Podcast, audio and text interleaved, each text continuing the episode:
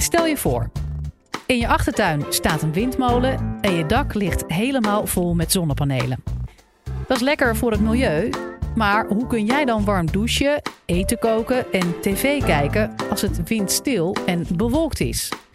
Verlossende antwoord krijg je van Hans Slootweg van de TU Eindhoven. Hij vertelt je waarom je pizza duurder is als het bewolkt is. Dit is de Universiteit van Nederland. Als uh, mensen zijn wij best wel kuddedieren. Als er een uh, talentenjacht op televisie is of een uh, wedstrijd van het Nederlands elftal, dan kijken wij met z'n allen televisie. En dan vinden we het natuurlijk ook nog wel lekker om daar wat bij te versnaperen. En dan kun je bijvoorbeeld denken aan een, een pizza. Een lekkere pizza. maar voor die televisie en die pizza heb je natuurlijk elektriciteit nodig. En een elektriciteitssysteem, een goed elektriciteitssysteem, is enorm belangrijk voor economie en maatschappij. Het elektriciteitssysteem wat wij eh, in eh, ons land en in ons deel van de wereld hebben, daar hebben we ook al zo'n 100 jaar aan gewerkt om dat uit te bouwen tot wat het uh, vandaag de dag is. En daar zijn we heel goed in geslaagd. Want het is een enorm betrouwbaar systeem. Op jaarbasis ligt het er gemiddeld ongeveer een half uur uit. En dat klinkt dan nog wel vrij lang, hè? een half uur zonder elektriciteit. Maar eigenlijk is dat natuurlijk op jaarbasis gewoon heel kort. Want dat komt overeen met een betrouwbaarheid van 99,996 procent. Vier negens en dan komt die 6 een keer. Nou, er zijn niet zo heel veel systemen die zo'n betrouwbaarheid halen. Het uh, elektriciteitssysteem bestaat voor een heel groot deel uit kabels. En daar heb ik er uh, een paar van meegenomen. Uh, dit is een, eh, een middenspanningskabel. Uh, wat je natuurlijk in het midden ziet is de, de geleider. de geleider die is tegenwoordig altijd van aluminium, omdat het een stuk goedkoper is en een stuk lichter dan koper wat we vroeger gebruikten. Dus dat maakt de kabel gewoon goedkoper en ook makkelijker te transporteren, omdat hij minder zwaar is. En daaromheen zit de isolatie. Dat is tegenwoordig altijd kunststof. Vroeger was dat in olie gedrenkt papier, maar kunststof dat gaat veel langer mee. Dus sinds een jaar of uh, zijn die kabels uh, van kunststof, met kunststof geïsoleerd. Daaromheen zitten dan nog een aantal andere lagen uh, om de kabel waterdicht te maken. een koperen gaas voor als er een kortsluiting optreedt om dan de, de stromen te kunnen afvoeren. En nog een buitenmantel die beschermt tegen graafschade. Ik heb ook nog een laagspanningskabel bij me. Het verschil kun je zien doordat in deze kabel het laagje isolatie veel dunner is. Een laagspanningskabel die staat onder een lagere spanning, 230 volt. Dit was uh, eh, 10.000 volt, dus daar zit een behoorlijk verschil tussen. En dan hoef je ook veel minder isolatiemateriaal uh, te gebruiken. Daarnaast is dit een kabel met meerdere segmenten. En dat maakt het dus mogelijk om door één kabel meer stroom te transporteren. Omdat je natuurlijk gewoon een groter oppervlak hebt met meerdere geleiders. In Nederland ligt ongeveer een half miljoen kilometer kabel. Alleen in Nederland al. Dus je kunt je voorstellen, in Europa en wereldwijd zijn dat gewoon onvoorstelbare lengtes. Dus dan heb je ook wel een heel aantal jaren nodig om die uh, allemaal uh, te verwerken en uh, te installeren. Om iets uit die kabel te kunnen halen bij ons thuis, moet er natuurlijk ook iets in. Elektriciteit wordt niet alleen verbruikt, elektriciteit wordt ook geproduceerd. En dat gebeurt op dit moment in elektriciteitscentrales, die voor het overgrote deel draaien op kolen en op gas. En Daarmee hebben we natuurlijk gelijk een uitdaging, want kolen en gas dragen bij aan het broeikaseffect. Kolen en gas zijn fossiele brandstoffen die vroeger of later een keer op zullen zijn. En ook dan willen wij natuurlijk nog wel graag televisie kunnen kijken, pizza's kunnen bakken en een heleboel andere dingen kunnen doen. Dus de vraag is, waar halen wij die elektriciteit op langere termijn vandaan? Uit duurzame bronnen. Van fossiel naar duurzaam, van grijze stroom naar groene stroom. En dat is een uitdaging waarin ik, waar ik mij op de TU in Eindhoven intensief mee bezighoud. Samen met een heleboel collega's. Misschien denk je wel, uh, als wij het uh, allemaal zelf gaan maken uit uh, zon en wind die eigenlijk overal zijn, hebben we dan überhaupt dat net nog nodig? Nou, dat hebben we zeker nog nodig. De eerste reden daarvoor is dat als je kijkt in een behoorlijk dichtbevolkt land als Nederland, dat verreweg het grootste deel van de Nederlanders niet genoeg ruimte heeft om zelf duurzame energie in voldoende hoeveelheden te produceren. Als je uitrekent hoeveel oppervlak aan zonnepaneel je nodig hebt. Als je uitrekent hoe groot een windmolen zou moeten zijn om te voorzien in je eigen jaarlijkse energieverbruik, dan kom je tot de conclusie dat op de meeste Nederlandse woningen, op de meeste Nederlandse kavels daar absoluut geen ruimte voor is. Dus dat betekent dat je ook in een duurzaam energiesysteem toch op energie van buiten je eigen invloedssfeer aangewezen bent.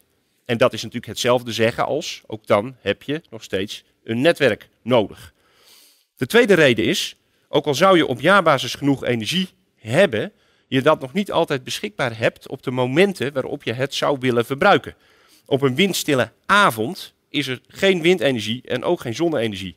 Maar ook dan wil je natuurlijk toch allerlei dingen doen. Oh, dat betekent dat je op dat moment ook aangewezen bent op energie van elders. Terwijl omgekeerd, als je in de zomer op vakantie bent en het is hartstikke mooi weer en je verbruikt thuis bijna niks, heb je energie over die je weer aan anderen beschikbaar kunt stellen die er op dat moment behoefte aan hebben. De functie van het net verandert dus. Het was ooit bedoeld voor energielevering. In toenemende mate wordt het ingezet voor energieuitwisseling. Maar het mooie van een elektriciteitsnet is dat dat tweerichtingsverkeer toestaat. Dus op zich hoeven we aan dat net niet zo heel veel te doen om tweerichtingsverkeer mogelijk te maken, ook al was het oorspronkelijk voor eenrichtingsverkeer gedacht. Je zit wel met een andere uitdaging. Elektriciteit is moeilijk op te slaan. Dat is behoorlijk duur, toch nog relatief ingewikkelde techniek, zeker als je dat in grotere volumes wil doen. Dat betekent dus dat je eigenlijk constant een balans moet hebben tussen vraag en aanbod, tussen productie en verbruik. En dat is op zich wel vrij uniek, want bij de meeste andere producten heb je natuurlijk in de keten van productie tot verbruik op allerlei plekken opslag. Opslag in uh, grote pakhuizen, opslag in uh, koelcellen, opslag bij uh, ons allemaal thuis in de koelkast en in de provisiekast. Met elektriciteit lukt dat dus eigenlijk niet. je kunt die balans zien aan de frequentie van het net. Wij hebben in ons deel van de wereld een net met een frequentie van 50 hertz. Dat betekent dat als je zou meten in het stopcontact, dat je 50 keer per seconde de spanning op en neer ziet gaan. In Amerika en op een aantal andere plekken in de wereld is dat 60 hertz. 60 keer per seconde. En die frequentie, die geeft aan of het systeem in balans is of niet. Op het moment dat het systeem niet meer aan balans is, gaat die frequentie afwijken van die 50 hertz. Op het moment dat je meer elektriciteit produceert dan dat je verbruikt, gaat die frequentie omhoog. Op het moment dat je meer verbruikt dan dat je produceert, gaat die frequentie omlaag. En daarmee kun je dus in het hele systeem op elk moment kun je zien of het systeem wel of niet in balans is. En als het dat niet is, dan kun je maatregelen nemen. Die maatregelen die gaan in het systeem zoals wij dat nu al 100 jaar kennen relatief simpel. Want de centrales draaien op kolen en op gas. Op het moment dat die balans verstoord is, kan ik dus of die centrales wat harder draaien, hè, wat bijschakelen, door wat meer kolen en wat meer gas op het vuur te gooien. Of omgekeerd, als die centrales te snel optoeren en die frequentie wordt hoger dan 50 hertz, dan neem ik gewoon letterlijk wat gas terug. En op die manier hou ik dus het systeem in balans. Dat gaat lastiger op het moment dat je zon en wind als energiebron gebruikt. Want die heb je natuurlijk niet in de hand, terwijl je dat met gas en kolen wel hebt. En daarmee hebben we een van de grote uitdagingen gesteld van een duurzaam elektriciteitssysteem. Hoe handhaaf je in zo'n systeem nog de balans tussen vraag en aanbod? En welke stappen moet je daarvoor nemen? Er zijn eigenlijk drie routes om dat te doen. En uh, die wil ik eigenlijk uh, verkennen in de volgorde waarin ze ook eigenlijk worden toegepast. De eerste is netten aan elkaar koppelen. Dat is in het verleden ook al gedaan. Dat gaat ook nog steeds door. Het systeem waar wij in Nederland aan gekoppeld zijn, dat loopt van de Noordkaap tot in Noord-Afrika. En dat loopt van West-Frankrijk tot Oost-Europa. Dus dat is, als je hier het stopcontact pakt, dan zit dat letterlijk vast aan heel Europa, plus nog een stukje uh, van, uh, van buiten Europa. Daarmee is het elektriciteitssysteem ook eigenlijk een van de grootste en meest complexe systemen die de mensheid heeft voortgebracht. En dat maakt het ook zo interessant natuurlijk om daar wetenschappelijk mee bezig te zijn. Dat ik ook met veel plezier doe. Uh, als je zo'n groot systeem hebt, dan kan je natuurlijk indenken dat als, de plek, als het op de ene plek de zon schijnt, het op de andere plek misschien de zon niet schijnt, dat dat voor een deel uitmiddelt. Datzelfde geldt natuurlijk voor wind. Als het uh, in West-Europa wat harder waait, dan waait het in Zuid-Europa misschien wat minder, of dan is daar wat minder zon of omgekeerd.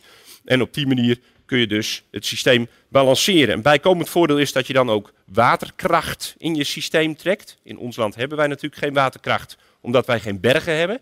Maar in veel andere Europese landen produceren ze ook elektriciteit uit waterkracht door de zwaarte-energie die in water zit, om te zetten in elektriciteit, gewoon door het water naar beneden te laten stromen. Hoogte vertegenwoordigt dus ook een energievorm. Hè? Loop maar eens acht trappen op, dan ben je behoorlijk moe. Dan komt dat jij jezelf eigenlijk hebt opgeladen door omhoog te klimmen. Water op hoogte bevat energie. Water wat je naar beneden stroom, laat stromen maakt dus energie vrij dat is natuurlijk een heel mooi systeem. Want als je de energie niet nodig hebt omdat er zon en wind is, laat je het gewoon het water in het stuwmeer zitten voor gebruik op een later moment. Op het moment dat uh, de zon en de wind uh, wat verstek laten gaan, dan uh, zet je het stuwmeer in om dat langzaam leeg te laten lopen en op die manier extra elektriciteit te produceren. Dus de eerste optie, netten koppelen over hele grote gebieden, waardoor je geografisch uitmiddelt qua aanbod van duurzame energie. De tweede optie waaraan gewerkt wordt, en daar worden ook de eerste successen echt wel geboekt, is elektriciteit opslaan. Er wordt heel hard gewerkt aan het verbeteren van accubatterijen. De eerste aanzet daarvoor was eigenlijk mobiele communicatieapparatuur. Hè. Smartphones zijn een enorme driver geweest voor het verbeteren van batterijtechnologie. Want een smartphone die heel veel kan, maar na 10 minuten al uitgaat, daar heb je gewoon niet zoveel aan. Dus uh, dat was eigenlijk, gaf daar een enorme boost aan. De volgende stap is nu de elektrische auto. Uh, om elektrische auto's echt goed haalbaar en betaalbaar te maken, heb je betere accubatterijen nodig. Dus daar wordt ook nu om die reden heel hard aan gewerkt. Dan is de volgende stap het opslaan van elektriciteit gewoon in huis. Uh, daar zijn ook de eerste producten voor beschikbaar. Die zijn nog wel relatief aan de prijs. Maar je kunt gewoon al thuis batterijen kopen die je uh, ergens in je meterkast of in je kelder of in je kruipruimte zou kunnen monteren. En waarmee je bijvoorbeeld zonne-energie die je overdag opslaat, s'avonds weer kunt gebruiken. De derde optie is de verbruiker ons allemaal betrekken bij het handhaven van die balans. En daarmee komen we natuurlijk langzamerhand weer terug bij die, uh, bij die pizza waarmee ik net uh, begon. Uh, wat we zullen gaan zien in de toekomst is dat de elektriciteitsprijs niet meer constant is, of misschien met een dag- en een nachttarief, zoals een aantal mensen dat thuis zal hebben, maar dat die elektriciteitsprijs door de dag heen veel meer gaat fluctueren. En die prijs reflecteert dan natuurlijk de mate waarin duurzame elektriciteit wel of niet beschikbaar is. Als die ruimschoots beschikbaar is, is die prijs lager. Als die niet zo ruim beschikbaar is, is die prijs hoger. Wij hebben vanuit de TU Eindhoven experimenten gedaan waarbij we nu al een aantal honderden mensen drie jaar lang met zo'n prijsprikkel uh, hebben geconfronteerd. En uh, dat heeft laten zien dat uh, toch zo'n 20% van wat mensen verbruiken in de tijd kan worden verschoven. Nu al. Wasmachines die wat later aan kunnen, uh, vaatwassers, wasdrogers waarvoor deels hetzelfde geldt. Um, sommige mensen gaan zelfs iets later eten als ze zien dat de prijs om half zes duur is en warmen dan die pizza een uurtje later op. Iedereen maakt daar natuurlijk zijn eigen keuzes in. Wij kijken gewoon naar het effect van zeg maar dat concept en wij zien gewoon 10 tot 20 procent verschuiving van de elektriciteitsvraag. Dus dat is op zich prima mogelijk. Als de elektrische auto doorbreekt, wordt dat potentieel natuurlijk nog veel groter. Want een auto staat 20 uur per dag stil, heeft maar drie uur tijd nodig om te voorzien in de gemiddelde rijafstand per dag in Nederland. Nou, je voelt hem al aankomen. Drie uur laadtijd spreiden over 20 uur standtijd geeft natuurlijk een behoorlijke flexibiliteit in de elektriciteitsvraag. Ook bedrijven kunnen daaraan bijdragen. Hangt het er wel heel erg vanaf wat voor proces je het over hebt. Als je het hebt over uh, koelen, vriezen, uh, opwarmen van dingen, dan kunnen bedrijven daar behoorlijk mee schuiven, wijst ons onderzoek uit. Op het moment dat het gaat om een belangrijke schakel in bijvoorbeeld een productieproces, hè, een robot, uh, of uh, de verlichting voor mensen die overdag werken in een pand met, uh, met weinig ramen. Ja, die mensen gaan natuurlijk niet s'nachts werken als dan de stroom goedkoper is. Dat, dat, dat gaat natuurlijk niet gebeuren. En die robots ga je ook niet stilzetten als het even op zee niet waait. Dus bedrijven verbruiken veel, maar niet al het verbruik is ook flexibel. Dat hangt er maar net vanaf hoe zij dat in hun productieproces en in hun waardecreatieproces inzetten. Daarmee zijn we eigenlijk weer terug bij de vraag waar we mee begonnen. Waarom is je pizza duurder als het bewolkt is? Omdat er dan minder stroom beschikbaar is uit zonnepanelen. Misschien waait het ook niet zo hard, de prijs gaat omhoog en het bakken van de pizza wordt dus wat kostbaarder. De beste oplossing is dan natuurlijk, wacht gewoon tot de zon schijnt en eet die pizza dan ook lekker buiten op.